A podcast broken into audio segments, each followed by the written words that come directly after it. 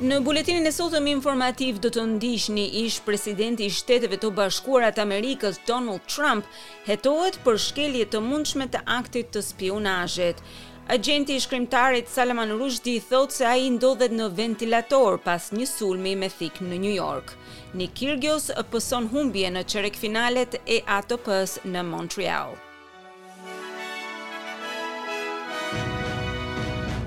Dhe fillojmë më gjerësisht me lajmet, ish-presidenti i Shteteve të Bashkuara të Amerikës, Donald Trump, Po hetohet për shkatërrim të mundshëm të të dhënave, pengim të drejtësisë si dhe shkelje të aktit të spiunazhit e mbajtjes së dokumenteve sekrete. Informacioni doli në dritë pasi një gjykatë e qarkut të Shteteve të Bashkuara të Amerikës në Florida zbuloi urdhrin e kontrollit dhe dëftesën e pronës nga bastisja e FBI-së në pronën e zotit Trump në Mar-a-Lago për publikun.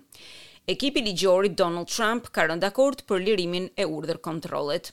Një listë e bërë publike nga gjykata tregoi se agjentët e FBI-së morën gjatë kontrollit të të hënës një dosje me të dhëna të klasifikuara si sekret. Të dhënat e sekuestruara përfshijnë disa dokumente të etiketuara jo vetëm si tepër sekrete, por edhe që i përkasin një kategorie të veçantë e cila është përcaktuar për të mbrojtur sekretet më të rëndësishme të vendit, të cilat nëse zbulohen publikisht mund të shkaktojnë dëme jashtëzakonisht të rënda për interesat e Shteteve të Bashkuara të Amerikës. E ndërkohë, politikanët në Shtetet e Bashkuara reaguan ndaj publikimit të urdhrit të kontrollit, i cili u përdor në bastisjen e pronës së ish-presidentit amerikan, Donald Trump. Demokratja dhe përfaqësuesja e Shteteve të Bashkuara nga Illinois, Cheri Bustos, tha se beson se e vërteta do të dalë një ditë. If President Trump took classified information and took them to a hotel, a golf resort, his residence, um, I think we all ought to have a problem with that.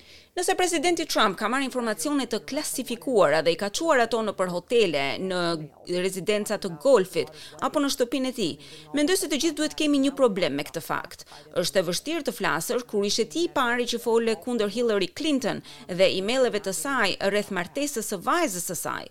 Ndërkohë këtu po flasim për informacione të klasifikuara, të cilat ndodhen fizikisht në një resort golfi dhe askush nuk po shqetësohet për këtë. Ndërkohë senatorja dhe përfaqësuesja republikane nga Xhorxhia, Marjorie Taylor Greene, thotë se kjo është thjesht një dredhi politike. What they've been doing to President Trump is political persecution. Merrick Garland has abused his position of power as the Attorney General to Kjo që po i bëhet presidentit Trump është persekutim politik.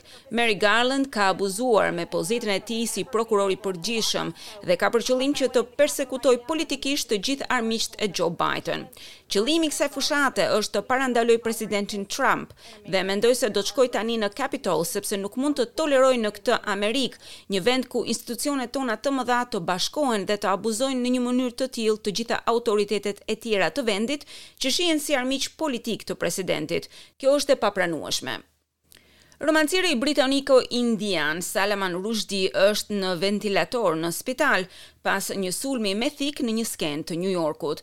Libri i shkrimtarit Rushdie Vargjet Satanike është ndaluar në Iran që në vitin 1988, pasi shumë muslimanë e kanë konsideruar atë si blasfemi. Një vit më vonë, në vitin një mijë e nëntëqind e tetëdhjetë e nëntë, ish-udhëheqësi i Iranit, Ajatolla Ruhollah Khomeini, lëshoi një dekret fetar, ku bëhej thirrje për vdekjen e shkrimtarit Rushdie.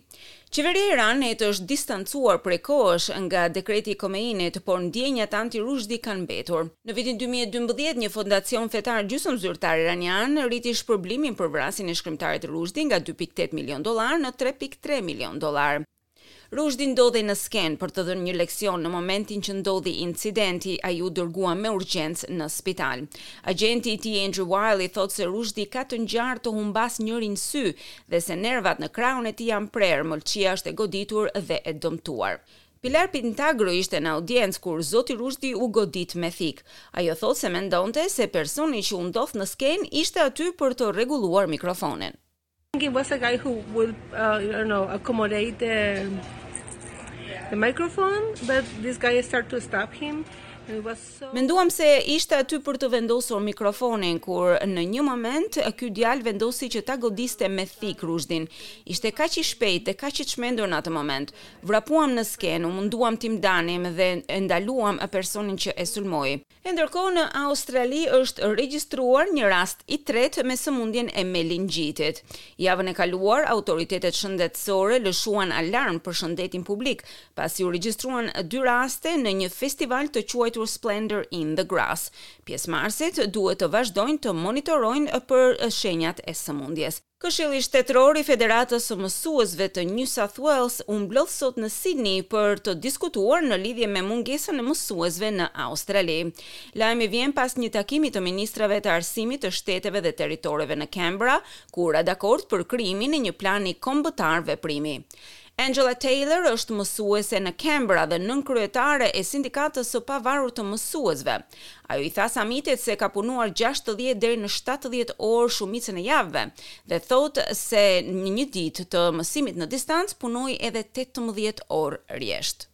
The health and well-being of teachers is being impacted and I think that's partly to do with workload but also partly to do with the complex Shëndeti dhe mirëqenia e mësuesve ka ndikim të madh dhe mendoj se kjo ka pjesërisht të bëjë me ngarkesën e punës, por edhe me nevojat komplekse të nxënësve.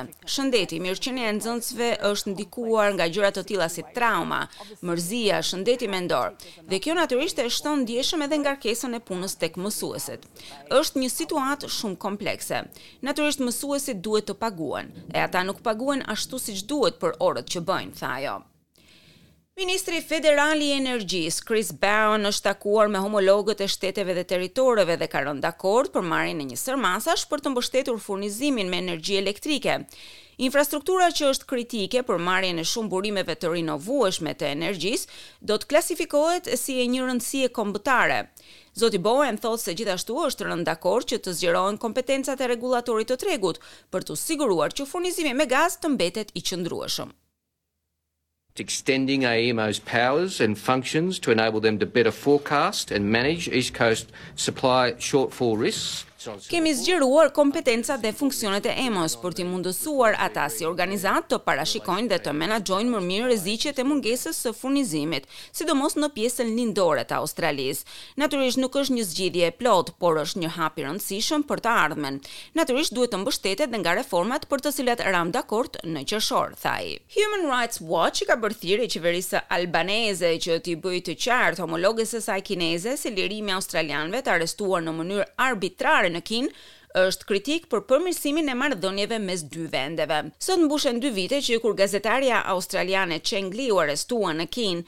Në një deklaratë për SBS News, studiuesja e lartë e Human Rights Watch në Kinë, Yaqiu Wang tha, Two years after her disappearance and nearly five months after a closed-door trial to which the Australian ambassador was denied entry, Australian journalist Cheng Lei. Dy vite pas zhdukjes së saj, pesë muaj pas një gjyqi me dyer të mbyllura në të cilin nuk u lejua të merrte pjesë as ambasadori i Australisë, gazetarja australiane Cheng Lei ende lëngon në një qendër paraburgimi në Pekin për akuza të dyshimta për sekrete shtetërore.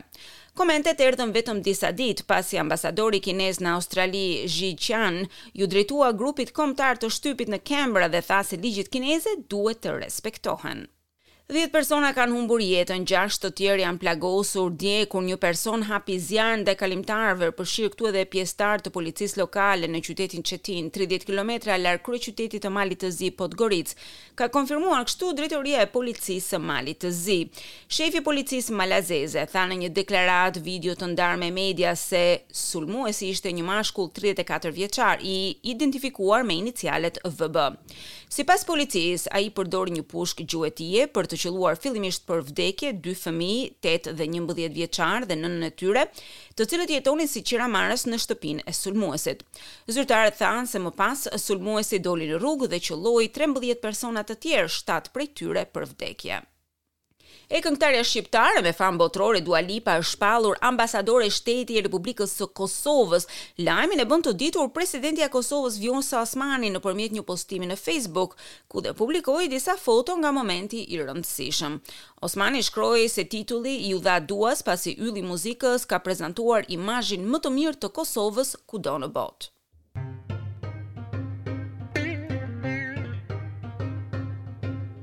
Kalojmë në kursin e këmbimit të valutës australiane. Një dollar australian sot këmbehet me 81.4 lekë shqiptare, 0.69 euro, 0.71 dollar amerikan dhe 42.5 denar nga Maqedonia e Veriut.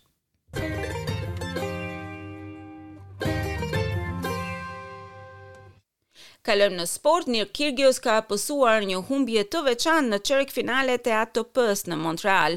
27 vjeçari u mundua që të fitonte e megjithatë në vapën e mesditës së Montrealit humbi. Në vend të kësaj, ishte fitues Hubert Hurkacz i Polonisë me 7-6, 7-4, 6-7, 5-7, 6-1. Duke folur pas ndeshjes, Kyrgios tha se nuk ishte në fazën e humbjes në serinë e fitoreve të tij, por megjithatë shtoi se ishte larg shtëpisë e larg prindërve.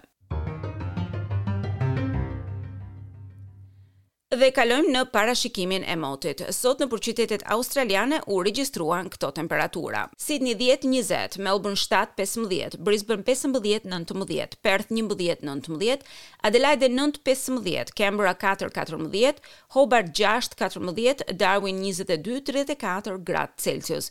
Për nesër, Byroja e Parashikimit të Motit sjell këto temperatura, Sidni nëntë, nëntëmbëdhjetë, Melbourne tetë, pesëmbëdhjetë, Brisbane nëntë, njëzet e dy, Perth nëntë, nëntëmbëdhjetë, Adelaide nëntë, gjashtëmbëdhjetë, Kembra dy, njëmbëdhjetë, Hobart nëntë, katërmbëdhjetë, Darwin njëzet e dy, tridhjetë e katër, gradë Celsius. Dëgjuat edicionin informativ.